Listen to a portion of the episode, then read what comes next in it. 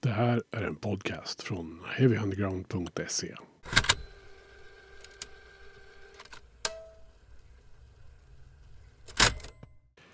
Heavy Undergrounds podcast rider igen kan man väl säga. Jag som säger det heter Magnus Tannegren. Vi har ju kört tre avsnitt med klassiska album nu under sommaren. Där vi har pratat om eh, skivor som Angel Dust med Philip More. Eh, Bathory's Under the Sign of the Black Mark och Scum och From Enslavement to Obliteration med Napalm Death. Med olika gäster. Eh, så jag tänkte vi skulle fortsätta på det spåret. Eh, för några veckor sedan så släpp, återsläpptes ju To Ride Shoot Straight and Speak the Truth av Entombed på vinyl. Det är väl något man bör uppmärksamma, inte minst med tanke på att de också spelade live på Gävle Metal Festival. Eh, så då grävde vi lite i arkivet och Into the Void Podcast som var föregångaren till eh, den här podden som jag producerade då. Eh, gjorde ett väldigt speciellt avsnitt som handlade just om den här skivan. Och det var ju inte vilka gäster som helst. Utan det var ju Uffe Sedelund och Jörgen Sandström som besökte min kollega Svempa Alvevings vardagsrum. Där de satt och pratade länge om To Ride, Shoot Straight and Speak the Truth av Entombed. Så jag tänkte att eh, ni ska få återlyssna på den. Eh, lite omklippt från originalet men allt finns med här i stort sett. Så vi börjar väl med en liten introduktion med mig själv och med Svempa. Där vi pratar om eh, intervjuerna med Uffe och Jörgen. Så önskar jag er en trevlig lyssning på Heavy Undergrounds podcast. Som repriserar Into the Void Podcast. Intervju om en Dooms skiva To Ride, Shoot Straight and Speak the Truth. Eh, men du, ska vi ta liksom och kasta oss in då i de här eh, intervjuerna? Eh, vi börjar med Uffe Cederlund. Um, vad hade vi liksom för ingång med honom? Uh, you tell me höll jag på att säga. Nej, men han, uh, han var ju ganska direkt in och, och började liksom prata om, om den tiden och liksom hur, hur själva liksom inspelningen gick till. Han, eh, han, han var, det, det syns ju inte i en intervju men han var ju väldigt fascinerad över liksom och, och, och tummade väldigt mycket på, på vinylskivan som jag hade lagt fram så där Och, eh, var väldigt liksom så här eh, eftertänksam i, i det han sa och han, han kunde liksom börja berätta om en sak och så kunde han liksom omvärdera det. Så att, eh, och, och väldigt eh, väldigt mycket detaljer eh, som han mindes. Och jag, jag, tror att han var, var den perfekta intervjun för han, han mindes väldigt mycket från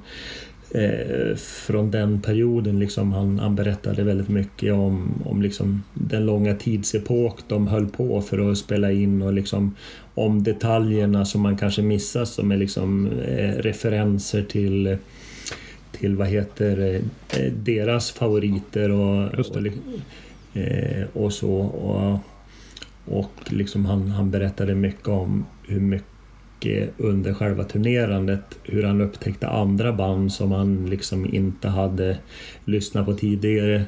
Mm. Eh, han var, var ju också väldigt liksom jag vet inte, han, han, var, han var stolt över skivan men samtidigt så tyckte han att det, det fanns mycket, mycket skit på den också, alltså som, som hade kunnat göras bättre. Allt från gitarrsolon och han, han berättade ganska mycket, om eh, hur de olika medlemmarna kompletterade varann och vilka, vilka olika sätt de hade att skriva sådär. Så det var, var lite intressant.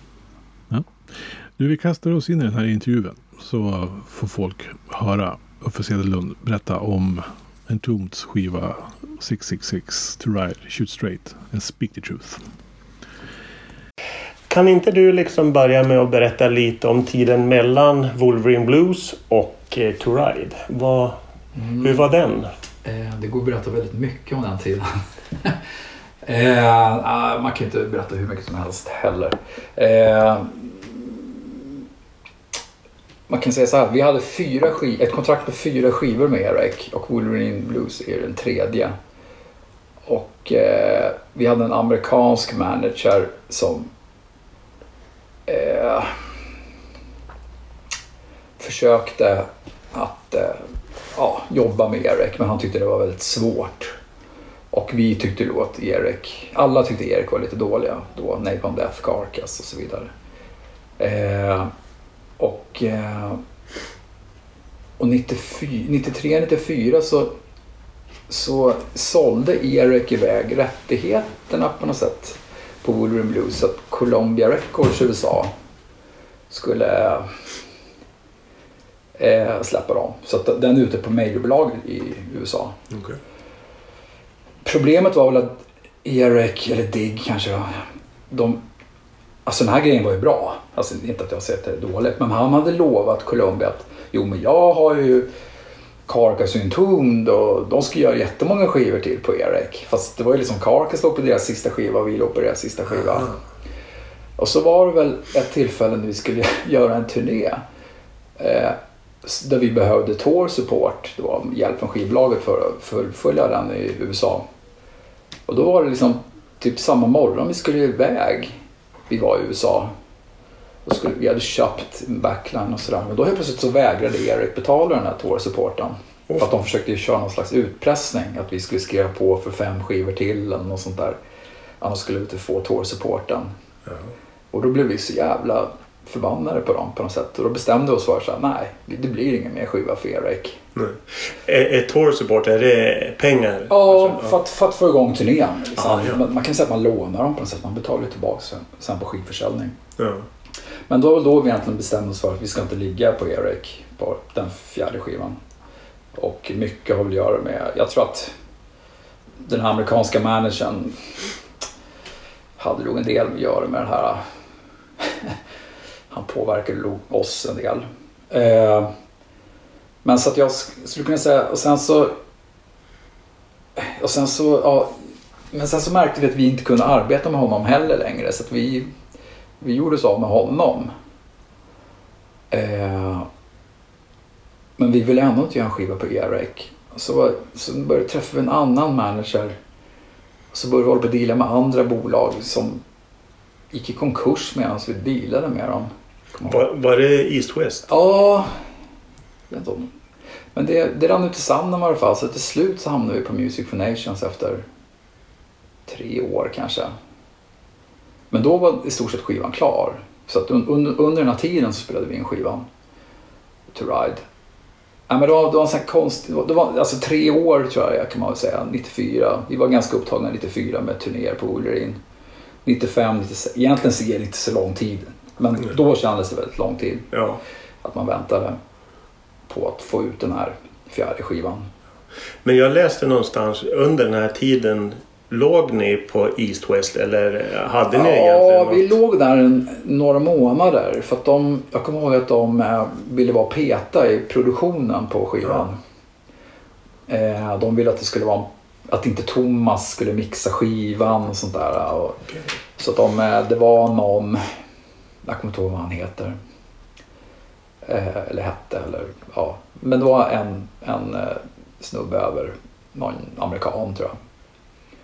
Och, och mixade två låtar men vi tyckte inte det lät något bra. Mm.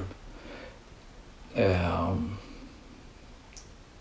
jag kommer inte ihåg riktigt. Vi var i någon dyr studio ute i något industriområde. Ja i några dagar och vi var knäckta. Och vår manager vi hade då, den engelsmannen eh, som eh, eh, ja, hjälpte oss att fixa kontraktet på Music Nations och sådär. Han var ju också eh, ville ju också liksom så att vi skulle ha en producent och sådär för att det var ett annat tänk liksom på de här de här människorna. Liksom. Stämmer För jag, jag läste på, på nätet att det skulle finnas en skiva som är inspelad som inte är släppt från den här Nej. tiden med East West. Nej, inte riktigt. Nej. Men, men jag kan förklara att eh, eftersom det var så otroligt lång tid mellan Wolverine och To Ride. Så eh, kan man ju säga att den, man kan dela upp skivan i, i två delar. En del som är att vi fortfarande ligger på E-Rake Mm. faktiskt. Eh, för det finns en... Eh, eh, ja, det finns, vi gjorde en demo med sex spår. Ja. Som var liksom när vi prövade nya låtar. Och det, då, då låg vi på Erik fortfarande. Och sen så kom den här långa processen igång efter. Och då under den så skrev vi andra låtar. Och det hände jävligt mycket på den tiden också så hur vi... Eh, det känns som att ju mindre metal eller vad man kan kalla det. Det var, ju bättre var det. Någon Okej. slags anti. grej, Va- liksom. Alltså var det en känsla som ni hade gentemot Eric? Eller? Nej, ja, så, i allmänhet liksom. Vi vill inte... Jag kommer ihåg den tiden att vi så här, Vi gjorde... Det är så konstigt att tänka så nu på något sätt men det var verkligen så här... Ju mindre metal det var ju bättre tyckte jag det var. Kan Jag tror några vara... andra var inne på lite samma spår. Kanske inte LG och Jörgen. Nej. Jaha, så det var mer kopplat i bandet? Ja, men liksom, det, var, det, det är bara en... Det är väldigt få snabba låtar på skivan. Ja. En tvåtakt och någon som är lite så här fartig liksom. Och, och mitt mål var väl egentligen så här typ att jag ville inte att det skulle vara någon sån låt med. Nej. Fast det finns ju ingen låt som har en så här, vad kan man säga, Slayer-uppbyggnad liksom i, i Nej. tvåtakt. Nej, de, de snabba låtarna där upplever jag det är lite Motorhead snabbt eller Ja, det är- Sike snabbt. Ja, precis. Ja. Det är någon annan, det är en helt annan energi i Ja. den här skivan. Eh, och jag tror att det... Alltså jag har ju inte skrivit så jävla mycket på den här skivan, några låtar. Men Ni- Nicke, liksom så här, han hade ju lämnat det där metal-grejen, tror jag. Liksom. Eller skulle inte han säga idag kanske, men, Nej. men vi var ju intresserade av helt annan, annan energi. Liksom. Rockenergi. Vad, vad, vad var det för, för som du säger så är det ju ganska stor skillnad och det kan Mm. ju vara både en naturlig utveckling av bandet men, men du skrev inte så många låtar utan det var ju Alex och, Nicke som skrev Ja, många är tre låtar jag här. Det är ganska mycket för mig ändå. Ja. Men, ja, eh, men det, den här skivan är väl mer så här... Eh, ja, jag vet inte. Fan ens vad det är för låtar på den här skivan. Mina låtar är ju antimusik mer än eh, Alex låtar som är nog mer långsamma rocklåtar. Och, ja, jag vet. Den är ju, den är ju groovy om man säger så. Ja. Ja men det var liksom någon helt annan... Eh, vi ville att det skulle vara så här någon slags... Eh, att det skulle låta som att det var... Att det inte var så konstlat i studion kanske. Att det skulle låta som det gör. Så här liveigt och slamrigt. Och... Thomas var inte alls inne på det där. Han, eller han var ju det liksom. Men han... Ja. Han... Eh, tack vare honom. Om, om inte han hade varit och petat på så skulle det nog låtit ännu stökigare än vad den gör. Okej. Men eh, jag tänker när, innan ni gick Mm. in i studion. Eh, hur, hur skedde runt den tiden eller generellt eh, en låtskrivarprocess? Och hur, hur förberedde ni er Ja, inför när, att gå in i studio? Alltså, vi har aldrig förberett oss för att gå in i studion. Utan det är ju mest att vi har haft... Vi har ju alltid gjort själva musiken bara. Inte tänkt på sången. Nej. Eh, texter och sånt där. Det har alltid kommit till när vi har spelat in låtarna redan. Jaha, okej. Ja. Och eh, nej, men vi hade väl en sex låtar. Vi fimpade en för att Lasse hade skrivit mest av den tror jag. Sen så de andra kom väl till under den här perioden. Efter, ja. Och jag tror, att- vad jag vill minnas så, så höll vi på jävligt länge att spela in den här skivan. Säkert ett år. Mhm. Att, liksom, alltså från första dagen till... till Så ni eh, var inne i studion mixen. eller var det liksom att ni stod Ja. och tragglade i replokalen? Ja, vi var inte inne hela tiden utan var väldigt så här... Eh, vi lyssnade på låtarna, sen så Thomas bestämde vilket rum den låten, trummorna skulle spelas in i. För att den behövde lite tajtare sound. Och Mm. han hade ju två eller tre inspelningsrum. Det var ju Sunlight 2 då. Var den första Sunlight-studion. Eh, så det var liksom... Det var lite mer så att en låt i taget inspelat mer. Eh, och, och sen är det också väldigt många olika, det är inte så ett gitarrljud på alla låtar utan nästan varenda låt har faktiskt lite olika att man tänkte lite annorlunda. När jag hör skivan idag så tycker jag att det bara så här, allt låter ju bara... Det är så? Eh, men, eh, men vi höll på väldigt... Vi tänkte liksom att vi skulle fokusera per låt. Har jag för mig. Och, eh, och sen så tog, tar det alltid skitlång tid att skriva texterna. Eh, För El, och Elger då liksom som... Han var ju som en... El, vad heter det? Alex och Nicke De är ju väldigt intresserade av såna fraseringar och uttal och liksom så nej men det där ordet måste du säga mer sådär. Och, Mm. så Elger kämpar ju på ganska mycket liksom med sången. Eh, Det tog skitmycket tid. Jag, han måste ju tycka att det var så jävla jobbigt.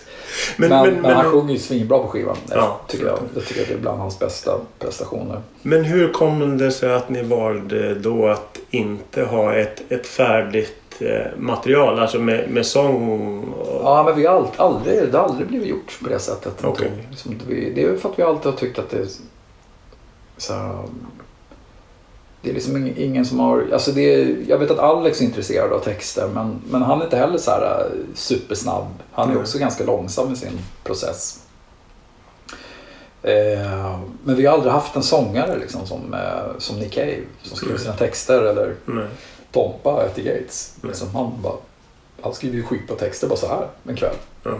Men Elge skrev aldrig texterna. Mm. Och, Hur, hur gör du nu i dagsläget? Alltså, jag, jag tänker mm. eh, studioprocessen kanske har också förändrats och det, det är väl både enklare och svårare Ja. men man kanske inte har så lång tid som ett år i en, en studio. Av rent kostnadstekniska. Ja. Nej, men vi var inte inne hela tiden. Nej. Utan det var ju att man... Vi kanske... Vi kanske var ganska aktiva två, tre veckor liksom med trummor och bas och kompgitarrer och sådär. Och sen så, sen så blev det liksom att man kom in några kvällar i veckan och sen helt plötsligt kom Thomas på att nej, den här låten måste trummorna lägga om på för den...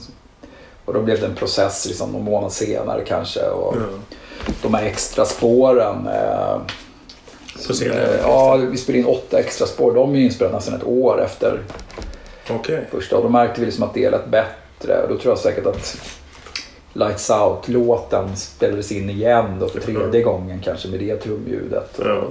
För ni, ni gav ju ut ytterligare för, för, för er som, som lyssnar så, Mm. så har vi både vinylen och CDn. Men jag har den första för man gjorde ju en Mm. utgåva och där var det ju både demoversioner och så Ja, var det ju precis. det var väl Bob Dylan och Twisted Sister Ja. cover och där. På den här är väl, är det väl några andra, eller det är inga. Nej, jag tror inte det. Jag, jag satt och kollade på det. Men det kanske Men vet du vad det är? Det är för att, eh, jo men det är det tror jag. Jag tror Men att ena skivan är... Det här är själva LPn Ja. och det andra är, då har du alla extra spåren extra. jag. Det är bara att de inte är utskrivna då, av platsbrist. Jag tror det. Får kolla bara för säkerhets skull. Ja, jag fattar ingenting. Det ser ut som att det är lika mycket låtar här. Men det kanske är, det kanske är de här demospåren också då, liksom ett gäng. Inte Ja, för den där, den där köpte jag ju väldigt sent. Det där är ju Ja. inte Ja, det här är ju, originalpressen. precis. Men originalpressen har nog, ja, inte de låtarna, men ja, jag vet inte, jag kommer inte ihåg. Fan, jag fattar inte sånt där. Det är så dumt med extra spår. Ja. Hur kom ni på titeln To Ride, Shoot Straight and Speak the Truth? Och fanns det några Alltså, andra jag, alternativ? skivan heter ju egentligen 666. Ja. DCLXVI. Eh, men sen så hade, tror jag Alex hittat någon, någon sån här snygg western pulp pocketbok i USA. Eller en John Cooper. Ja men någon sån här pulp fast det är western Ja. deckare typ liksom. Som hette tror jag Shoot Straight and Speak the Truth. Vi snor bara. Ja. Så enkelt var det. Ja. Ja. Så jag tror att det är en undertitel egentligen till 666. Ja. Många tror, många tänker inte ens på det här. Nej, och det är inte så det Ja, jag fick lära mig något nytt. Jag har nog alltid trott att To Ride är liksom originalet. Och, Ja, men det är DCLXVI ja, To Righteous State Ja. Truth heter den. ja, spännande. Om du skulle försöka beskriva för, för ett barn, vad handlar skivan om? Eh, ja du, fan. Eh...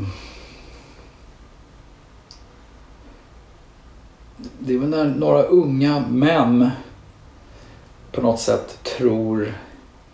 Några unga, när fem kreativa unga män tror att de har mognat.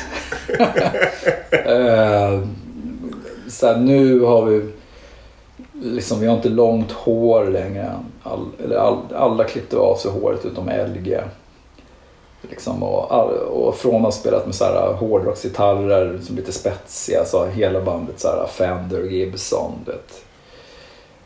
Ehm, nej, men vi vill, vill nog mer ha att göra med så här garagerockband. Liksom en, en metal. Men det, jag skulle säga att det är, det är fem män, unga män som, som tror att de har liksom mognat och spelar lite mer mogen Mm. rock, metal. Vilken låt skulle du rekommendera som inkörsport? Eh, ja, men, det skulle ju kanske vara första låten. To Ride, Straight and Speak the Truth. Någon av de tre första. To Ride, Like This with the Devil eller Lights Out. De är ganska sådär raka. Lite vad den här skivan går för tycker jag. Att det, är, det är liksom samma, det, det är ju en tondriffen. Mm. Våra regler, vår, vi har ju musikaliska regler. Eh, våra egna. Och eh, de här tre har verkligen dem. Fast de är eh, mycket rockigare än de tidigare låtarna. Eller skivorna på något sätt. Du säger musikaliska regler för Mm. bandet. Vad, är det liksom allmänt för bandet eller fanns det eh, vissa musikaliska Ja. regler på To Ride som, eh, som var unikt för den skivan? Alltså den enda som kommer undan de här reglerna är Alex. För han, brukar, han skiter i dem när han gör sina låtar. Sen kan eh, Nicke och jag komma så här och kan vi inte ta den tonen istället? För att då blir det mer en ton. Mm. Och så rycker han på axlarna. Ja, Okej då. Mm. Eh, nej men vi har liksom våra, det är dessa grejer som har kommit eh, ända från början på något sätt att utvecklas. Och som vi fortfarande använder oss av, skulle jag säga. I, alla band jag någonsin har spelat i efter en ton så har man på något sätt tänkt på dem. Mm. Kanske inte ja, alltid, men, men ibland i varje fall. Ja. Nej, men det är liksom att tar man den ton, en speciell ton, då kan man inte ta den här tonen efter för att grunden, den här låten går i den tonarten och då blir det så här glatt. Ja. Det är någon slags här, någon konstig, ja, någonting man har utvecklat bara. Så. Varför blev du eh, kallad monster på vinylomslaget? Det är ju så jävla töntigt. Men, äh, men det var så här, vi festade ju så mycket under den här tiden. Eller jag i alla fall. Nej, men vi, äh, det var, ja, men så, jag kommer ihåg att jag låg under något så här, äh, i något hörn i studion och var bakfull. Så jag låg och sov på golvet. Och sen så vaknade jag till. Så sa jag att, jag var väl full fortfarande kanske, att jag skulle heta Monster på den här skivan. Ja. Eh, och sen så det är väl Alex och Nicke som gjorde omslaget tror jag. Så stod det bara monster här plötsligt. Då Ja. hade väl Alex noterat det. Ja, ja. Liksom. Han sa det. En kul idé. Hur, Ja. hur var det att få in Sandström? då? Hur, hur fick ni kontakt? Eh, nej men han har vi känt jättelänge. Sen 87, 88 kanske. Mm. Eh, nej men det var väl någon gång vi... Eh, de bara ringde från Hultsfred 95. Så mitt på sommaren. Så en vecka innan gigget eller något. Hej vill du spela för att typ Sicko Virol har hoppat av. Och, sånt där. och vi brukar rätt spela på Hultsfred varannat år. Mm. Vi bara, ja för fan. Jag tror vi bara här 15 000 eller något i gage. Så jävla sjukt lite. Men då var Lasse var i Sydamerika då. Han hade börjat hänga i Sydamerika. Så då vi tänkte så vad fan, vi vill ju åka ner och spela där. Mm. Det är ju kul. Så då bara ringde vi bara frågade Jörgen. Han hade precis hoppat av Grave några månader. Så om han ville hoppa in den spelningen. Och han bara, ja för fan. Kom ner och han är ju så, här, så jävla snabblärd och man behöver bara visa låten någon gång så bara, det är lugnt. Hur, hur var Skogsberga att jobba med på den där skivan? Eh, nej men vi har ju, vi hade, det här är ju fjärde skivan och sista vi gjorde med honom. Eh, och eh, det var ju liksom bara helt självklart att vi skulle göra den här skivan med honom. Ja, ni var ju ganska förknippade med honom. Ja, och eh, det här är ju... Han... Eh, gamla studion hade han rivit då och så hade han flyttat och byggt. Så under, när vi spelade in den här så höll de typ på att bygga den nya Ja. studion. Eh, så det här är väl liksom ett, också ett... Kan, man, kan man säga så kanske? Att, att det var lite liksom en av de första skivorna eller inspelningarna överhuvudtaget som gjordes i, gjordes i stora trumrummet. Mm. För att kolla hur det lät där. Och, Mm. Eh, så jag tror att det är också ett, för Thomas var ett experiment att se om, om det funkar liksom i nya studion. Mm. Men, jag, men så som jag känner Thomas rätt, han är ju mycket mer intresserad av att ha ett tajtare ljud. Mycket mer så när, nära liksom. Mm. Någon slags närhet. Och eh, jag vet att vi ville liksom ha något helt annat. Liksom, eh, så det, var, det var faktiskt lite så här, inte konflikter men Mm. vi var inte riktigt överens hela, hela vägen. Nej. Liksom, Nicky ville ha det här jätteslamriga, rummiga ljud, rumsljudet. Som Mm. bara lät, det funkar inte, sa Thomas. Så här. Det, är- det är ändå ganska tufft att, att vara så. För, för en del, en del producent, ja, jag tänker producenter gör väl olika. En del är, är, är kanske så att de inte, de bara liksom följer bandet. Ja. Men, men det handlar ju om att både ge och ta. Men jag tror att han... Jag tror att den här skivan är nog den... En tonskivan som Thomas ändå har varit mest eh, engagerad i också. Alltså jag säger inte att han inte varit engagerad Nej, nej, tidigare nej. men, men eh, jag tror att vi hade mer, att vi, att vi ville att han skulle vara mer inne. Sen, sen kommer jag inte ihåg hur mycket det är. Nej. Det är ju fullt mycket, mycket sådana här musikhyllningar till andra artister på skivan. Det är massor som jag har glömt bort också men det är, nästan varenda låt har ju så små detaljer. Mm. Eh, om det bara är någon liten effekt kan det vara en hyllning till Mm. Beatles eller vad som helst. Ja, ja. Liksom. Så det var ju nästan en så här, att medan vi spelade in skivan så skulle vi komma på sådana saker. Och det är någon gång vi spelade in en borrmaskin mot en sten och liksom mycket sådana där saker. Ja, han hade också en idé om att, eller jag tror att vi spelade in faktiskt, ett, ett, en, en kanal är bara rundgång på varenda låt. Mhm. Så står någon bara med en gitarr. Så han kunde dra upp när som helst om han ville ha lite Okej. noise. Ja, okej. Så det var hyllningen till Noisen. Ja, och sen... Eh, ja, men sådana saker. Så- Var borrmaskinen hyllning till Eistyrsen den Neubauten då? ja, det kan man väl säga. Ja. Fast jag lyssnade långt på dem än där. Men, Det kom sen. eh, men det, det fanns en borrmaskin där och en sten. Liksom, så jag Mm.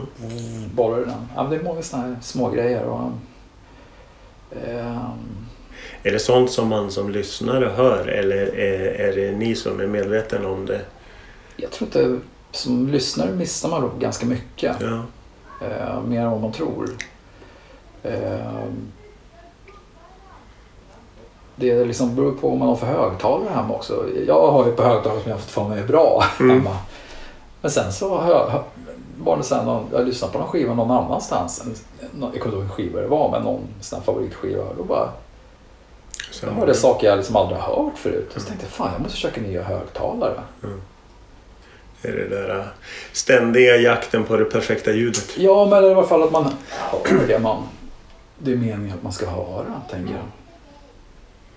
Men, eh, nej, men så mycket grejer är inte på där liksom. Det är, men det är så här roliga grejer som, som, som är...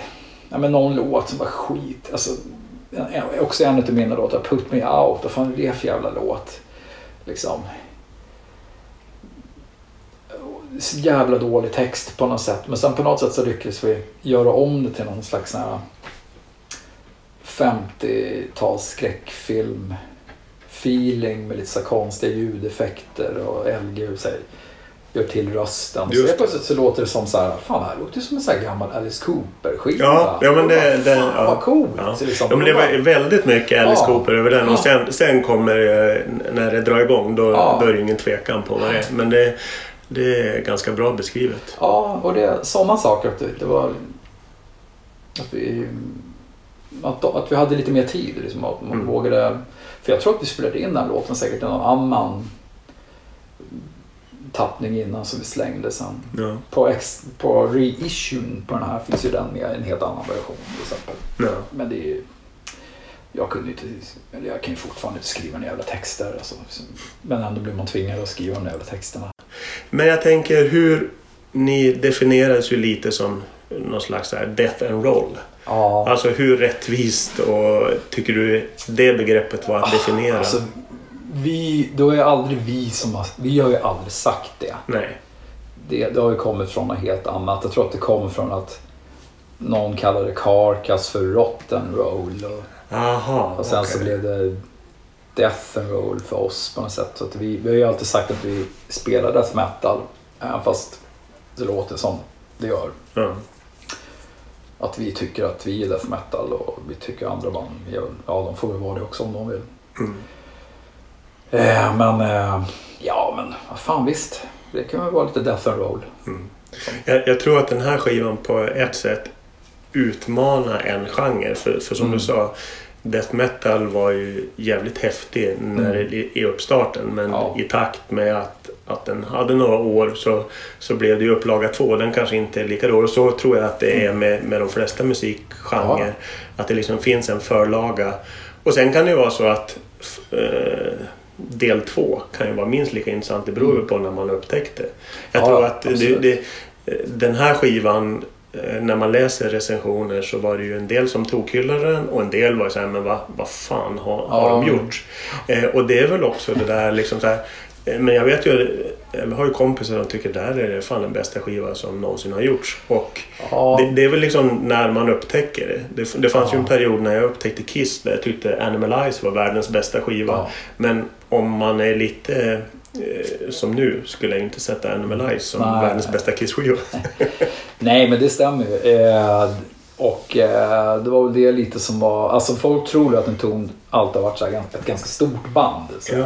Och, eh, I början på 90-talet så var det, då, då kom det en del folk på spelningar och sådär. Men, eh, men redan 93 när Holloman epen kom, den ansågs ju vara väldigt så här, oj vad är det här? Wolverine Blues också. Det gick ju inte alls hem. Liksom, det, Inte? Nej, det var ju helt värdelöst. Eh, och eh, jag kommer- vi, vi var nere i Europa ute och spelade. Det kom så här 80 pers och så här. Och folk trodde att man var... Jag, Stort jag, band, jag typ, hade ju så. alltid en bild liksom. Ja. Jag vet jag, jag såg eh, någon gång, då var ni i Sundsvall och det var en Mm. skitstor lokal. Men, Det för, var väl det här lilla... Var inte Pipeline eller något sånt där? Men jag tror, var det inte, eller blandar jag Mm. Ihop? Det kan ha varit det- med Folkets hus. Fireside och Ja, men precis. Ja. Ja. Men det var ju liksom... Då hade inte vi... Då höll vi på att spela in den här skivan tror jag. Mm. Eh, eller skulle börja spela in den. Ja men precis. Men det blev väl lite större grej då. Den, den Ja. turnén, liksom. men, eh, men det... Nej men det var faktiskt ganska så här... När man ser tillbaka så var det inte alls jävla lätt liksom, att hålla på med det här. Nej. Just, eh, eh, Vi försökte liksom och, jag vet inte, men, eh, men på något sätt så... Jag tror vi, vi hade lite tur inför den här skivan när den började... När det började rulla liksom in, när den kom och sådär att vi eh, fortfarande fick eh, någon slags uppmärksamhet i media och eh, så det blev ju en liten hype faktiskt Mm. på, Men det blev det verkligen. på den här skivan. Ja. Och det blev det inte på Wolverine Blues i Inte? Sverige. Nej. Alltså jag har nog alltid uppfattat att Wolverine Blues var... Ja. Men, men det, det, det är väl också kanske beroende på vad man själv var i fas. Jag menar, Ja, Jag vet inte hur många gånger jag körde Serpent Speech från Ja. bland annat. Den är ju just det här pistolskottet. Ja. Och, där, där, apropå frasering, det är kanske LGs eh, bättre ögonblick om man frågar mig som fan. Men, men jag tänker, eh, hur, hur upplevde du, du, du beskrev att Nicke hoppade av i, i nära anslutning. Hur var stämningen i bandet? Kunde man liksom ana att det var, var någonting på väg? Dessutom hade ni Jörgen som var, var relativt ny. Hur? Nej, jag, jag tänkte då att Nicke inte skulle hoppa av. Eh, jag blev lite förvånad. Men fan var det? Vi, vi, vi festade ganska mycket. Det var ganska mycket så här... Vi fick för oss att det var så man skulle göra. Så det var... Ah, så här, lite fånigt tycker jag väl om. Mm. Att man höll på så. Mm. Jag har ju varit nykter i 15 år nu. Liksom. Jag skulle i alla fall mig in och på. Om jag skulle ut och turnera idag Nej. då skulle jag vara så här, wow. Här är ju jättehäftigt. Ja. Kolla an- andra miljöer. Ja. Men då var det, alltså vi, nej, vi festade ganska hårt. Och eh, jag tror att Nicke var ganska, jag tror ganska hårt för Nicke för att Helicopters, de, de började få ganska mycket spelningar 97. Så han, då var det liksom att han hade två huvudband. Ja. Och eh, jag tror inte han tyckte det var så kul längre. Han kunde liksom inte förstå riktigt så här, eller vad jag har hört vad honom säga, liksom att han Mm. kreativt sådär. Och så, jag tänka mig att det var roligare med Helicopters. En annan scen som kanske är lite mer så här lite mer positiv kanske. Så här, hårdrockare som står och säger You are not metal. Ja, ja men precis. Spela snabbare. Ja, som, eh, och det kan Det var väl lite dit vi ville komma med en ton. Dit Mm. Nicke var med. Och vilket vi också, det blev ju så mer Mm. efter den här skivan. Mm. Kan, man, kan man säga att eh, det öppnade upp på samma sätt som man i olika perspektiv börjar uppskatta annan musik än vad man generellt har lyssnat på? Ja, alltså den här är ju lite senare. Mm. Egentligen så är ju, är ju det här redan, det är ju redan Wolverine Blues liksom. Fast det är ju på den här skivan när folk började, när det blev. Den är mer förfinad om man skulle säga. Ja, Eller min... min nej men jag vet att så här, King Bus och Melvins, han gillar den här skivan. Mm. Så här, jag, när jag träffade honom så sa han det. Så här, wow, det är jättekul. Mm. Liksom. Eh, men jag tror inte han skulle uppskatta Wolverine Blues på samma sätt. Även fast de, de är ju ganska snarlika. Inte soundmässigt. Liksom, men eh, eh, de, har mycket, de har mycket med varandra att göra. när du tittar tillbaka på, på skivan, hur, hur ser du själv på den idag? Eh, nej, men jag har inte lyssnat på den här skivan på jättelänge. Jag lyssnade ju på den inför det här. Eh, och eh, Jag tycker att låtarna är svinbra på den. Och jag tycker LG sjunger jättebra. Och vi spelar ganska bra. Jag tycker inte gitarrljudet är så bra. Det är väldigt så här... Eller ljuden, gitarrljuden. Det är ganska så här sloppy. Man har inte, det är liksom inte så... Jag skulle önska att det var lite tajtare lirat gitarrerna liksom. Och att, eh, så hade det varit kul om Jörgen, eh, Jörgen var ju ny, han hade inte gjort, han, Jörgen skriver ju skitbra riff, Mm. och roliga och bra riff. Det hade varit kul om han hade fått vara mer delaktig i det kreativa på den här skivan. Mm. Eh, men sen så tycker jag så här, jag, min, det är inte så mycket gitarrsolon på skivan. Eh, och när det väl kommer något så är de så jävla dåliga. jag bara så här, hur fan kunde vi låta det här gå, gå förbi? Ja. Men det var nog så här att det skulle vara sloppy. Och, eller det har ofta varit med en tom gitarrsolo. Vad, är sloppy för dig? Nej men när det bara så här, bara dåligt lirat. Så här, det, är, det är inget så här genomtänkt på något sätt. Och man tyckte säkert att det var lite så här, vi var lite, jag var lite inne på så här noise rock på den tiden. Det skulle vara lite sådär.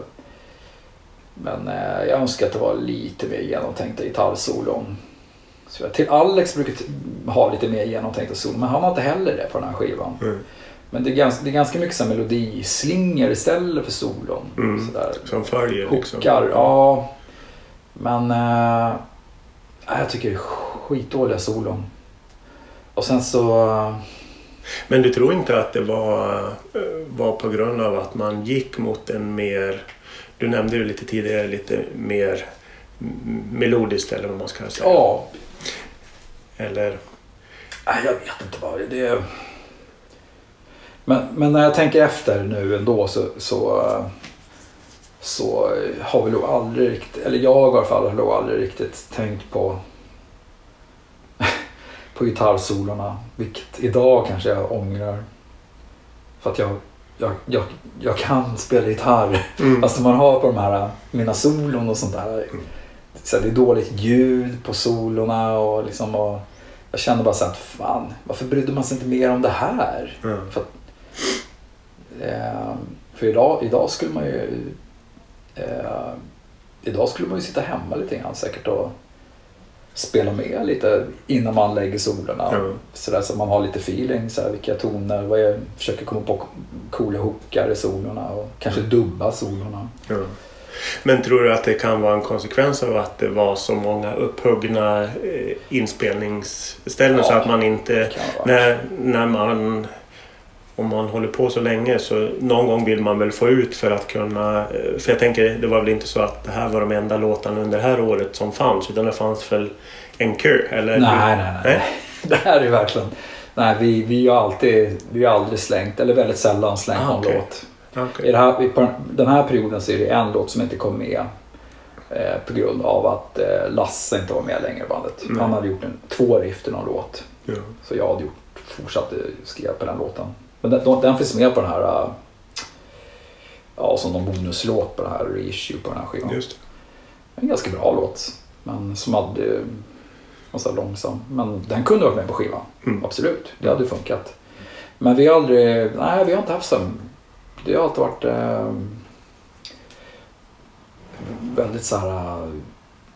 Nu har vi skivan, nu är den klar. Mm. Liksom. Det är de här låtarna som ska med och då behöver vi inte skriva några mer låtar. För det känns som en kamp ganska ofta. Mm. Eh, eller i alla fall på den här skivan. För jag tror att eh, Nicke hoppade av efter också. Gud, jag pratar här. Ja, ja, men det... Eh, eh, jag tror att Nicke, Nicke har, ju, har ju varit den kreativa motorn med. Eh, och jag tror att det satte lite stopp för honom. Fast Mm. det var ju, för han höll på med Helicopters samtidigt också. Mm. Med det här, på den här Mm. tiden. Hur, hur tänker du, för det, för det är lite intressant och någonting jag funderar över. Hur tänker du att hans engagemang i Helicopters eh, smittade av sig på hur, hur den här skivan lät? Mycket. Mm. Jag kan förklara liksom att i, under den här tiden, 95, 94, 95, 96, 97, 90, 98 kanske till och med. Så fanns det en Stockholmsscen som var centrerad till en, eh, en väldigt underbar person, Pelle. Cooljank-Pelle. Mm. Eh, han hade, började med att han hade en liten en slags eh, hipsterloppis skulle man väl kalla det för idag. Man kunde köpa gamla vintage Adidas byxor. där Okej. liksom. Men sen så blev det att han hade klubbar. Cool Young Communication. Och sen hoppade vår gamla kompis Benny på och en snubbe som heter Ekan. Så de tre hade Cool Young Communication. Och hade Det var inte Tompa Eken? nej, nej. Nej, nej. Det här var något annat. Och, och ur den- här lilla, deras grej så samlades det ihop massa band. Så Henry Fias, Open Sore, Helicopters, Back, Back Your Babies, Haystack. Eh, alla spelar på deras, när de, de, de liksom var inne på någon så här skitiga duken hette det i Gamla stan. Körde de spelningar i klubb en gång i veckan.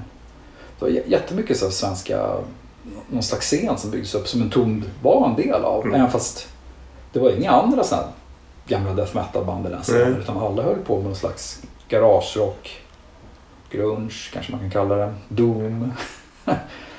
eh, och det var en jävligt häftig scen på något sätt. Som, eh, som jag tror att ja, så här, allting triggar väl varandra på något sätt. Och, och vi var, blev vi var ju en del av den scenen liksom, på samma sätt som vi var en del av någon slags death metal-scen i slutet på 80-talet. Mm. Och, och jag tror att det påverkar oss jättemycket. Hur fanns det då en medvetenhet att gå mot det här melodiska? Ah, Det var, Eller vem, vem styrde? att, nej, men jag tror att så här, i början... Alltså jag, det var ingen direkt som styrde liksom, men vi påverkar väl varandra. Men jag, men jag tror att jag, Nicky och Alex är de som påverkar bandet mest. Mm. Liksom. Och jag kan tänka mig att LG inte alls ville att, kanske att vi skulle gå den här vägen som vi gjorde. Men han accepterade det. Liksom. Mm. Men det var liksom att jag kan bara prata ur mig själv men jag tyckte liksom metal-grejen, eller alltså det finns ju skitgrym metal, vad fan är metal? Men death metal-scenen var kul i början. Sen tycker inte jag det blev så kul. Liksom jag, jag, jag tyckte inte banden var något bra längre. Liksom jag, är, är det här death metal, då kan inte jag vara death metal. Mm. Så då försökte vi liksom, vi hittade andra vägar liksom och jag säga, bli kompis med New Bomb Turks. Eh, jag, jag lyssnade mycket mer på sånt liksom. Och Nicke också. Eh, Ja, men jag hade ju också den delen ganska tidigt. För ja, jag, jag kommer inte ihåg vad... Men jag köpte ju en period köpte jag ju allt. Mm. Och då var det någon sån här King Kong. Ja, där ni körde State of Emergency. ja, ja, överjävligt bra cover måste jag säga. ja. Ja, men det är så här tidigt band som jag vet att både jag och Nicke lyssnade på när vi var jävligt unga. Mm. Ja, men jag skulle säga att det kanske började med när vi lärde känna Nomads. Eh, typ 90. När, när House of Kicks började jobba med oss, Sound Pollution, idag då. Mm. Eh, för att de spelade massa musik och för oss som inte vi hade direkt lyssnat på innan. Mm. Jag tycker ändå att det är eh, en av mina favorittonskivor ändå. Clandestine, man kan säga så första skivan, Left on Path, är så här en, en skiva som är på väg någonstans och sen så blir det Clandestine. Mm. Och Clandestine är bra. Wolverine Blues är också sån här, "Ah, vad fan är det här? Spretigt, vart är vi på väg någonstans? Och sen så hamnar vi här på To Ride. Och sen eh, så Clandestine To Ride gillar jag. Och jag gillar den sista tonskivan jag var med på, Inferno. Och Uprising. Men det här är liksom, eh, jag är så förvånad över liksom att jag har inte hört dem på så länge men jag tycker så här, fan det är ganska bra. Ehm, på något sätt så gillar jag att uh, när man vågade ta ut svängarna lite grann. Fast när man hör på ett gat så låter det inte så. Liksom. Men, men för, för den tiden så var det det. Ja. Det var Uffe Cederlund. Men jag tänkte lite så här, vad, vad fick du för eh, reflektioner runt eh, vad, vad du har hört? Du, har inte, du var inte på plats, men det är alltid spännande att höra. Ja, nej, men jag håller ju med det du sa. Alltså, det kändes ju som han... Dels att det var ju jättekul att han kom ihåg väldigt mycket. Mm. eh, Från detaljer. Liksom. Jag menar, herregud, det är ju jättelänge sedan.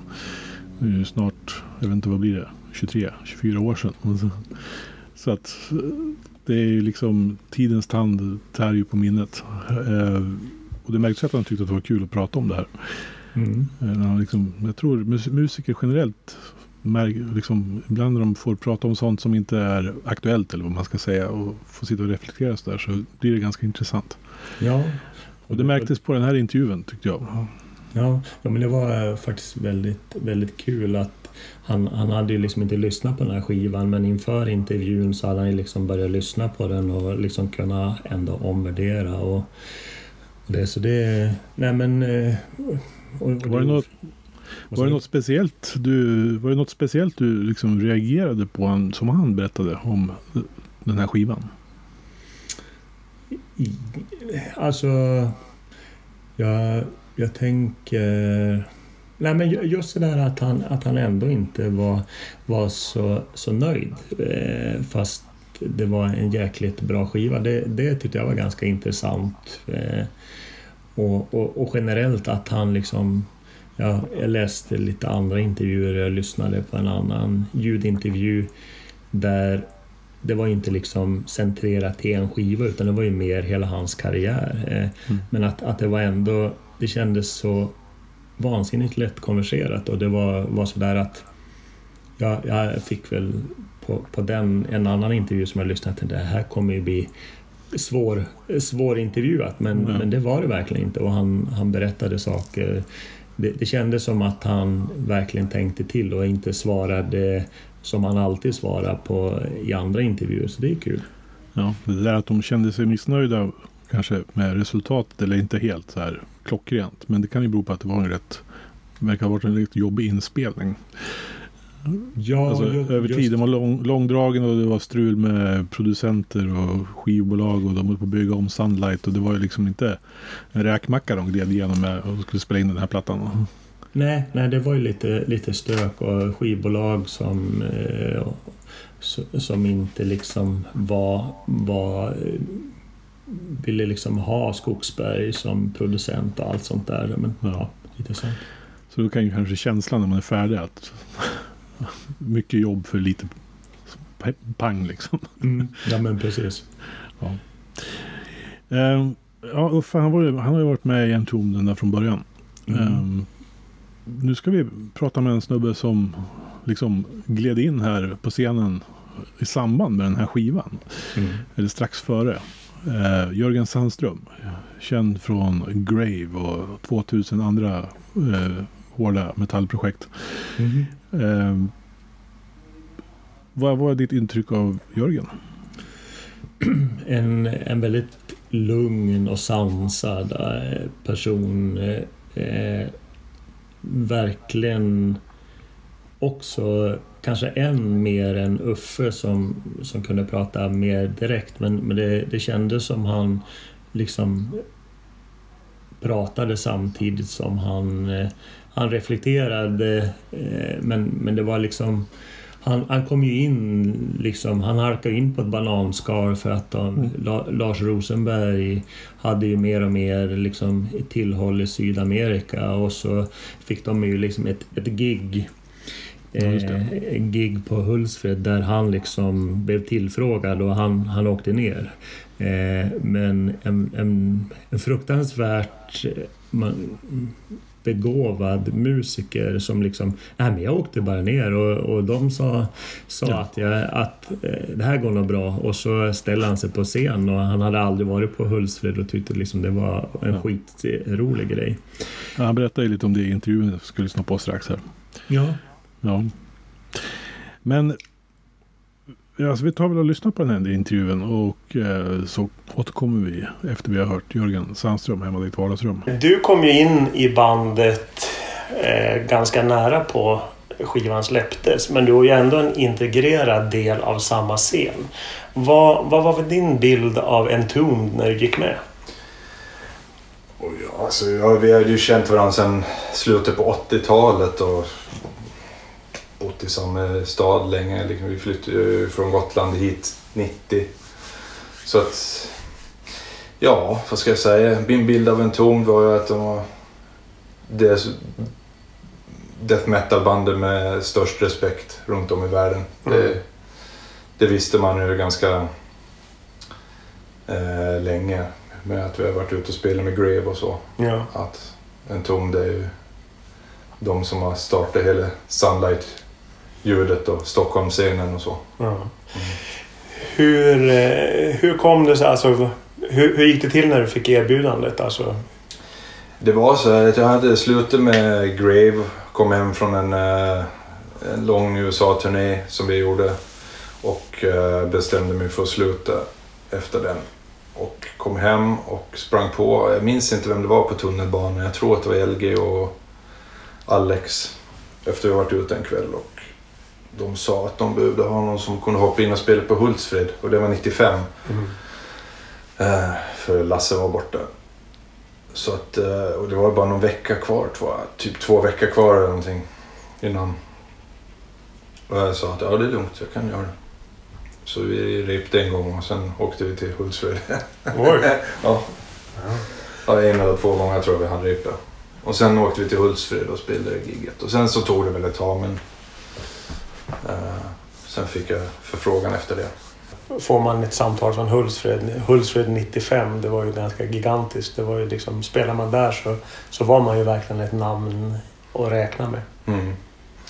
Och jag hade ju aldrig spelat på Hultsfred så för mig var det ju lockande såklart. Jag Ja. hade ju bara hört, jag hade aldrig varit där ens en gång. Nej. Eh, jag hade precis nyligen börjat spela med eh, Leukemia, det är ett band också.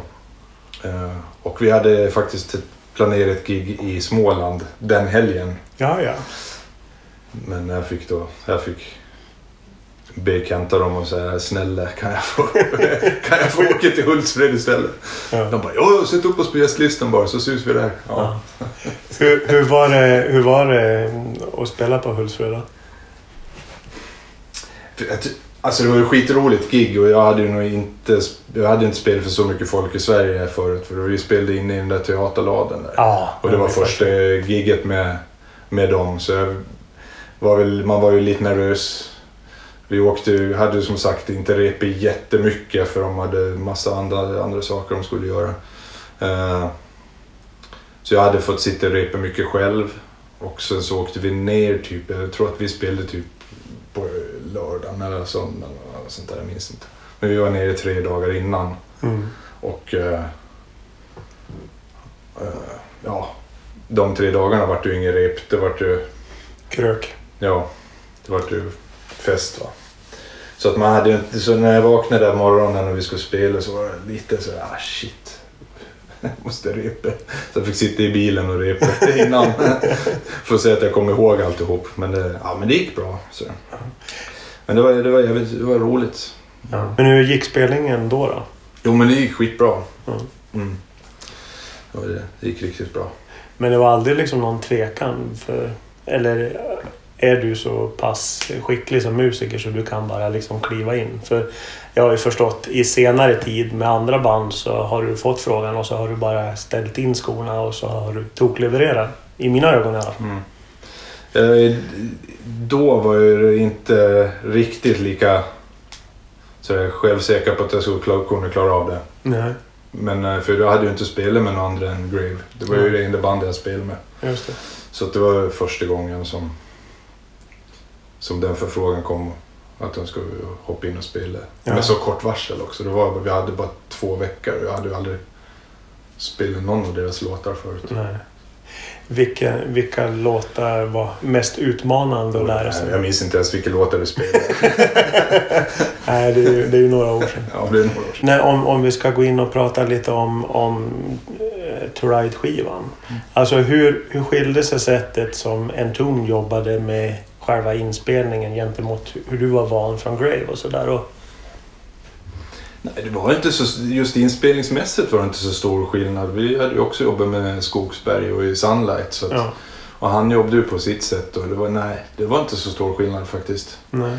Utan man jobbade ungefär likadant rent inspelningsmässigt. Sen var det ju Sen var det ju helt andra, andra idéer ifrån vad vi hade med Grave. Vi var ju ganska enkla och raka på vad, vad vi ville Ja, och få ut enkelt sådär. De också, en tom var ju också enkelt och rakt fast på ett stökigare sätt. ja, ja men precis. Eh, Uffe berättade lite om att, att det fanns vissa sådana här regler, Entombed-regler, alltså hur, hur det skulle låta när, när man skrev musik. Men, men du var aldrig så jätteinvolverad utan du kom in när, när det var dags att spela in skivan eller? Jag, var, jag, ja, jag minns inte exakt när det var då efter Hultsfred där men eh, de var ju mitt emellan eh, kontrakt mellan er. De ville ju ut från Erik och sen hitta ett nytt kontrakt och däremellan någonstans så var det ganska långt uppehåll. Ja, Men alla låtar var i stort sett klara när jag började spela med dem. Jag vet att det här på återsläppet där så är det en demo där som den fanns redan när jag började spela med dem. ja men precis. Så att det är vissa låtar som, som vi gjorde när jag var med. Mm. Men i stort sett allt var färdigt redan. Ja. Men sen var det en ganska lång inspelningsprocess. Eh, Ja. Den gick över ett år. Vad, vad jag förstod. Och hur, hur, hur delaktig hann du bli i själva... Eller var låtarna redan satt och du gick bara in? Och, hur, hur var det att komma in? Liksom, du var ju ändå en del av, av scenen men, men du kom ju in i ett, vad jag ändå uppfattar, ett gäng som har spelat ganska länge och kanske var ganska tajta. Ja, alltså det var, jag kände nog inte att det var något svårt att komma igen, eh, in i en tom. Det första, så personligen så kände vi varandra redan innan och sådär. Och spelmässigt så var det ganska tacksamt att komma in och spela bas. De är ju, de är ju tajta. Det, det jag fick, och jag hade inget problem alls att komma in och spela tillsammans med Nicke och så. Om man ska kolla bas och trummor så. Det var, han är ju enkel att följa på något sätt. Ja. Ehm, och, de, och sen, dessutom så visste de ju, de vet exakt hur de vill att det ska låta. Så Mm. de visste mig om jag spelade som Mm. de ville att jag skulle spela. Ja. ja, det var ju liksom inte... Och det var inget problem. Så. Nej. Men eh, nej, det, var, bara roligt. Vi hade bara skoj faktiskt. Vi hann ju göra lite gig däremellan innan vi spelade in. Eller under tiden. För det var som, jag, som du sa, det tog ju lång tid där innan skivan blev klar. Men det var ju så mycket, mycket strul med skivbolag och management och sånt där som drog ut på tiden. Ja, ja. Så det var ju inte, egentligen så tog det ju inte, det tog inte ett år att spela in skivan. Nej. Det var bara det att det, det hände så mycket saker emellan och vi var tvungna att ut och spela lite gigs för att få ihop lite stålar och, ja, och sådana där grejer. Om jag minns rätt. Jo, men det, det, det tror jag. För det, det där känner jag igen hur, hur Uffe be, bestämde att själva, om man skulle koncentrera hur ofta ni var inne och gjorde så men tidsaxeln var över ungefär ett år och sådär. Och att det berodde på exakt de där. Men hur, hur ser du på produktionen på, på skivan? Eh, jo, men jag tycker att den är väl ungefär... Jag tycker att den är ungefär där, dit vi ville ha det. Vi hade ju som sagt, vi hade lite... Eh, det var ju en, en amerikan här och skulle mixa också lite grann och det vart ju helt konstigt. Så då fick man börja tänka om igen. Så att till slut så vart det ju som vi ville ha det ändå, stukigt och rått liksom. Mm. Och nej, jag gillar den. Den är jävligt... ehm, jag har inte lyssnat på den på så länge men väldigt nöjd med den. eh, vet jag när jag lyssnar på den. Mm. Mm. Brukar du lyssna på, på skivor du har deltagit i? Där kan man göra lite olika. Ja, ibland så får jag någon sån här sug av att, att lyssna på någonting man har spelat in. Det gör. Mm. Mm. Mm. Men det är mycket för liksom... Vad, ja, man får lite nostalgi och man får tänka till lite och så här, kolla bakåt lite. Men, och jag tänker om... Nu, nu var ju du rätt nöjd med att, att liksom, det fanns en formel, du gick in och du levererade. Men om, om du hade kommit in i en- i tidigare process och varit mer delaktig i låtskrivandet. Finns det någonting som du hade velat ändra på? Nej, Nej. nej det hade jag inte gjort. Nej. Och om man, om man jämför... Eh, Wolverine Blues var ju liksom en på väg dit där To Ride sen blev. Hur, eh, hur tyckte du om inriktningen som, som ändå To Ride tog? Alltså den, den skapar ju nå, någonting nytt ändå. Ja. Vi har nog inte lagt så mycket tankar kring det faktiskt. Men det var mycket, alltså... Jag, tycker, jag tror eh, mycket av Nickes, det som han tog med till Hellacopters färgar ju ganska mycket på den här skivan tycker jag. Ja, Det är, ja, det, samma, den, det är lite samma influenser därifrån. Ja, Punk och rockscenen. jo. ja, men den, den, den kanske, ja, framförallt de, de första låtarna, det är ju ganska rak, snabb, eh, högoktanig. Och, eh, jag vet inte om, om man ska kalla det, det är lite orättvist, men, men det blir ju mer liksom så här Motorhead snabbt eller ungefär som du säger, lite åt det punkigare hållet. Mm. Eh, det är så. Ja, för det är inte så där, det är inte så mycket... Det är fortfarande death metal och metal fast mycket mer punkinfluenser än vad det har varit tidigare tycker jag. Mm. Mm. Men Clandest, Clandestine var ju jättemetal Ja, verkligen. och Left Hand Path var ju stilbildande death metal. Och Wolverine Blues där så borde de väl ta in lite mer rock. Ja, och det ju mer... Fast mer hårdrock. Ja, ja. Inte, kanske inte punktänket Nej. lika mycket som det var i det här. Här vart det riktigt stökigt och en del låtar är ju till och med sådär noise-rockigt. Tidningarna beskrev ju eh, en ton under den här tiden mer som death and roll. Mm. Hur, hur rättvist tycker du att, att ett sånt begrepp och... Ja, jag vet inte. Alltså,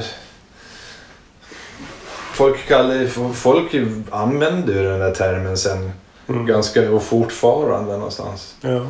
Det var inget som vi myntade utan det var mer tidningar och kanske bolagen som ville placera Vi ville väl komma lite ifrån death metal men samtidigt eh, att det fanns kvar någonstans. ja, men precis. Själv så la jag inte så mycket vikt i det. det man, blir, man blir rätt van med åren så att om folk sätter, eh, ja, sätter band i olika fack och sådär. Hur upplever du, Eh, för du var lite inne på det, alltså Uffe och Nicke och Alex har ju säkert olika sätt att, att skriva sina låtar. Hur, hur upplevde du skillnaden mellan det? deras sätt att skriva låtar? Uh, ja, men Uffe är ju noise, noise rock-låtarna på den här skivan.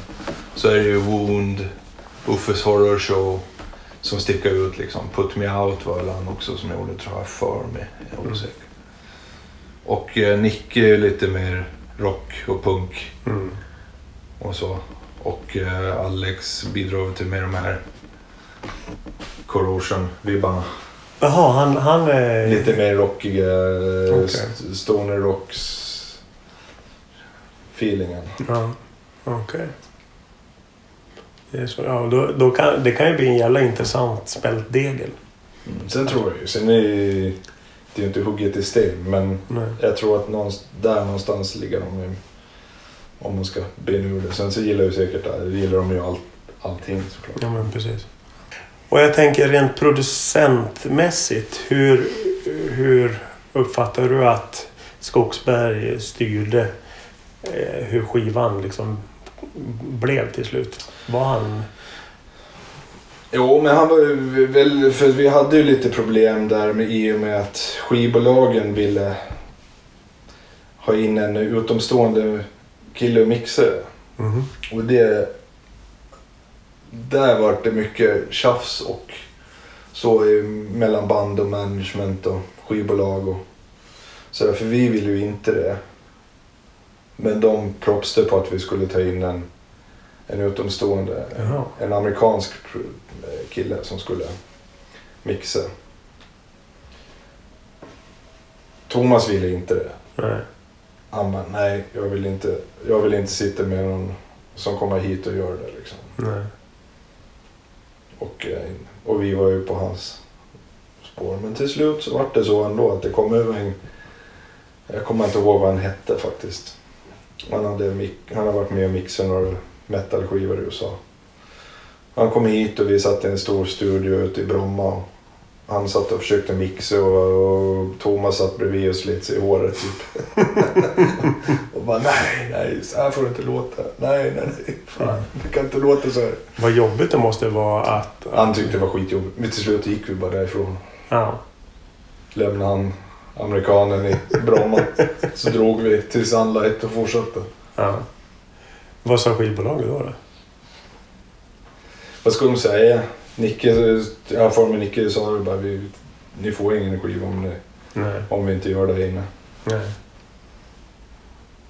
Men hur, hur, var, hur var Skogsberg som producent? Alltså, eh, det- man, man kan ju ha olika stil som producent. eh, Men en del är ju ganska pushig och ifrågasättande och en del är liksom mer följsam mot bandet och sådär. Ja, men han har ju sina... Han har ju sina poe, sådär, poänger men han är inte sådär...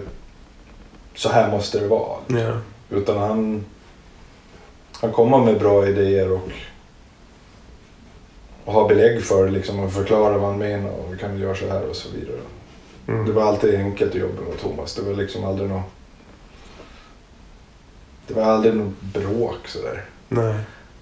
Utan det var br- bra diskussioner istället. Ja. Om varför man ska göra så eller är det bättre om vi gör så här och så. Så det, det var enkelt. Enkelt att jobba med Thomas. Ja. Och eh, jag tänkte Fred, Fred Esby var ju också med. Alltså hur, hur involverad var han i, i skivans produktion? då? Ja, ja men, jag minns ju inte så, jätte, jättemycket från, från... Det är ju 97. Det är nog ett gäng år sedan. Ja. Men Fred var ju med rent generellt i studion. Så alltså, med, med Grave också så var han, ju det, var han ju där. Och han var ju jävligt duktig och noggrann och Mm. bra liksom. Bra kille. För, Ha en, ha en nära där i studion. för visst var det så att... För det fanns ju Sunlight 1 och 2 under den här äh, tiden va? Mm. Eh, och eh, vad heter det? Visst var det så att, att man provade att spela in och, och de höll på att bygga samtidigt Sunlight 2. Just det. Eh, och att det liksom, man, man provade trumljudet i, i, i Sunlight 2 men det var ändå inte riktigt färdigt. Och det kanske också bidrog till att, att ut, inspelningsprocessen var ganska lång. det mycket väl varit. Jo men det stämmer när du säger det. Ja. För Anders var där nere och jobbade också. Bobba. Ja, just det. Han, Han jobbade också där nere då. Under den tiden och höll på att bygga. Och... Vet du eh, hur, hur pass medvetet, för, för som sagt det, det blev ju ändå lite mer melodiskt eh, med start då från Wolverine Blues och så här. Hur medvetet det är och, och som, som du också har sagt så eh, Hellacopters, eller Nickes involvering i Hellacopters har ju säkert påverkat att, att det blev mer melodiskt. Men hur medvetet tror du att det var? Alltså när, när man gick in och skrev skivan? Alltså jag tror, eller som jag, som jag tror, för det här skedde ju innan, med, innan jag var med men då var det nog för att Clandestine var så otroligt komplicerad att spela live. Ja, Så de var tvungna att bara, nej vi kan inte spela allt det här live, det, det, det blir för svårt. Liksom. ja, Och de ledsnade nog på det. Och ville göra, köra lite rakare. ja. Och Left Hand Path hade de ju redan gjort. Så att det var väl... Det var väl dags att ta in lite nya influenser liksom. ja. Och, så. Ja, och mycket den eran där var väl... Alltså det mesta i... Mycket, ska vi se, när kan det ha varit 93? Eller vad var det, 93, 94 någonstans. Som eh, Som Wolverine Blues kom ut. 93 va? Var det det? Ja, jag tror det. Det var ganska mycket i... Så rock... Eller hårdrock. Som band som Trouble till exempel. Var ganska poppis i death metal-scenen. Ja, Färgade nog av sig en hel del. När de gjorde sin Manic, Manic Frustration och sin 90-skiva där. Liksom. Jävligt svängig. Så att, ja. Jag tror att det bara vart en naturlig övergång därifrån att det var, ex, från att vara extremt hårt och tekniskt till att det är dags att spela något som låter bra live också. ja. Men eh, du som, eh, som kom in, vem, vem var liksom den drivande kraften? Eller var det fler personer som var drivande i en ton där? Eller var det liksom... Ja, låt, äh, Nicke var väl den som eh, bidrog till mest eh, framåt liksom. Mm, Visste åt vilket håll en ton skulle gå åt. mm. Så. Hur blev det sen då? För det här var ju ändå hans sista. Mm. Var, var det liksom någonting man kunde, kunde märka på att, att han var på väg åt ett annat håll? För som, som fan blev man ju... Va? Ska han satsa på Hellacopters och inte på en ton? Alltså det, det var ungefär samma som att, att Dregen tog Backyard Babies och inte Hellacopters. Det var ju... Det tycker man ju som, Mm. som lyssnare bara, vad fan? Men varför? Ja. Alltså jag hade, hade, såg nog inte riktigt det komma faktiskt just då. Men man visste... Man, man förstår ju att han verkligen gillade att spela med helikopter så han tyckte det var roligare att sjunga och spela gitarr. Han var jävligt Okej. inne på det där och tyckte att det var roligt som fan liksom. Men jag såg inte riktigt att den kom att han ville Nej. lägga ner. Men ja. Samtidigt så är jag kanske inte riktigt helt förvånad heller. Han driver det där bandet ganska länge. Och, Ja. eller väldigt länge. Spelar med samma band länge. Och till slut Ja, så vill man ju göra någonting annat. Liksom. Jo, men det var väl precis som du tänkte med, med Ja, Grave. Att precis. någonstans är man ju färdig. Mm.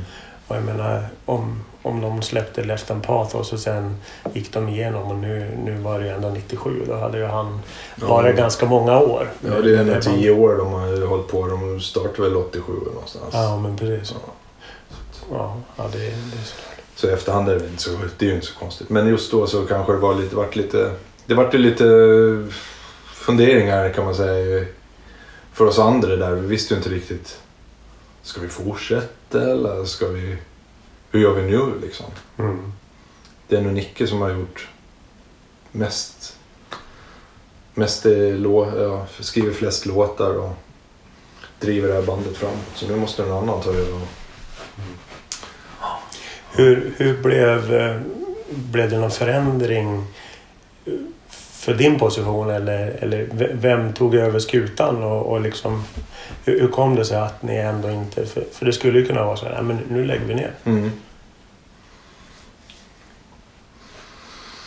Ja, alltså ja. Det, alltså, vi tänkte nog både och. Säkert i början så här, fan shit, ska vi lägga ner eller ska vi fortsätta? Och sen, nej men vi, vi gör ett försök att fortsätta. Och de som, det var ju, blev ju då för Alex som drev på. Eh,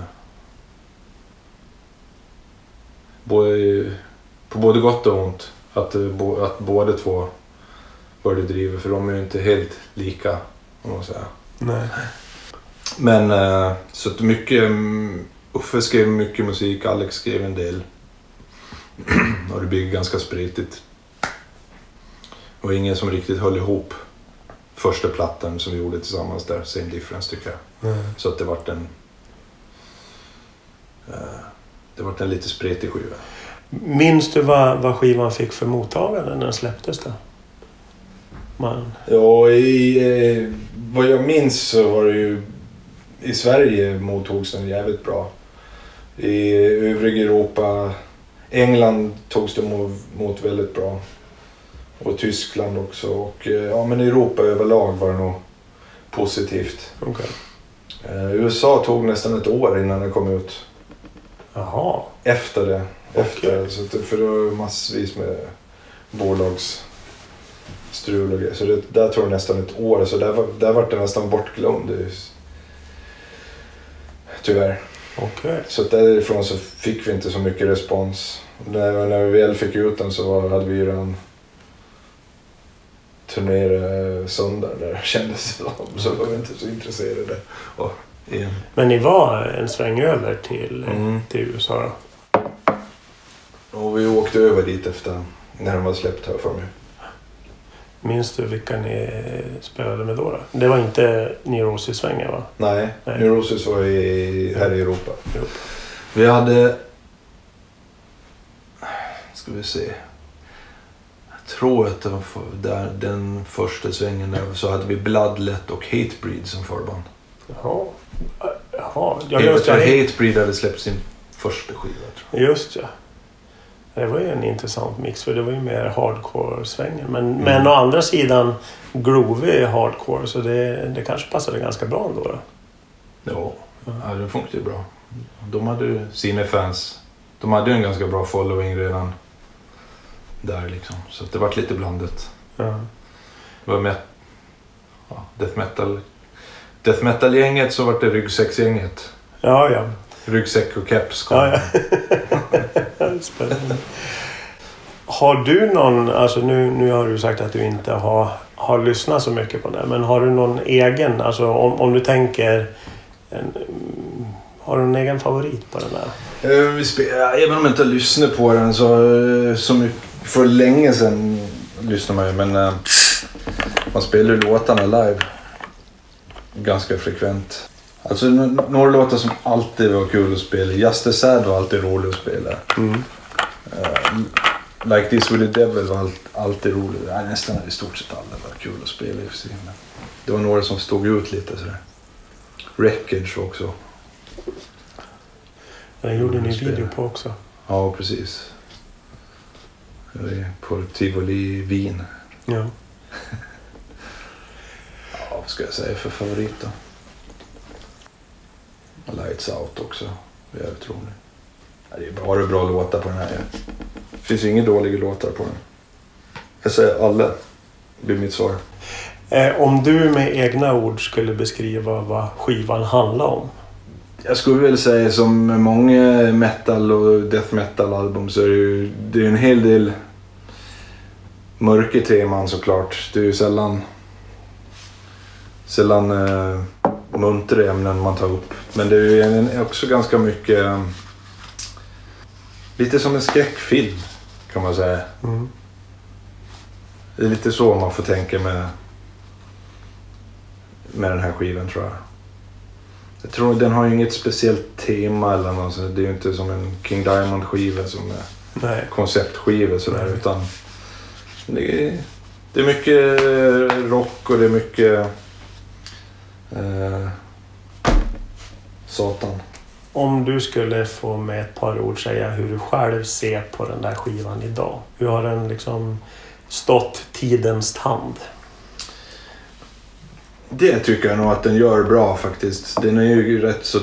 Den är inte så tidsspecifik sådär. Så att den, är, den, den här kan man nog dra upp och spela när som helst. Säkert om 10, 20, 30 år också och tänka att ah, okej. Var det så här rock'n'rollen lät i Sverige på år 1997? Mm. Hård och skoningslös. Hur stolt och liksom vad, vad från den skivan har, har du liksom kunnat bura med dig i musiken som du gör idag? Eller tänker du så? Det nej, men det är klart att jag är jättestolt över skivan. Och det är en uh, jätteviktig skiva för mig. Personligen, eh, första skivan med en tom och en väldigt bra skiva. Och vi hade ju mycket bra press och mycket, mycket roligt som hände under, det, Mm. under den här skivan. Så att jag är väldigt stolt över den. Du har lyssnat på en podcast från heavyunderground.se. Jag som säger det heter Magnus Tannegren och är den som producerar och intervjuar i den här podcasten. Vill du veta mer om det här avsnittet eller om podcasten i allmänhet? Besök heavyunderground.se eller leta upp oss på de sociala kanalerna på Facebook och Instagram. Tack för att just du har lyssnat. Hey, I met you. You are not cool. I know. Even when I thought I was, I knew I wasn't. Because we are uncool. I'm glad you were home. I'm always home. I'm uncool. Me too. You're doing great. You the only true currency in this bankrupt world is what you share with someone else when you're uncool.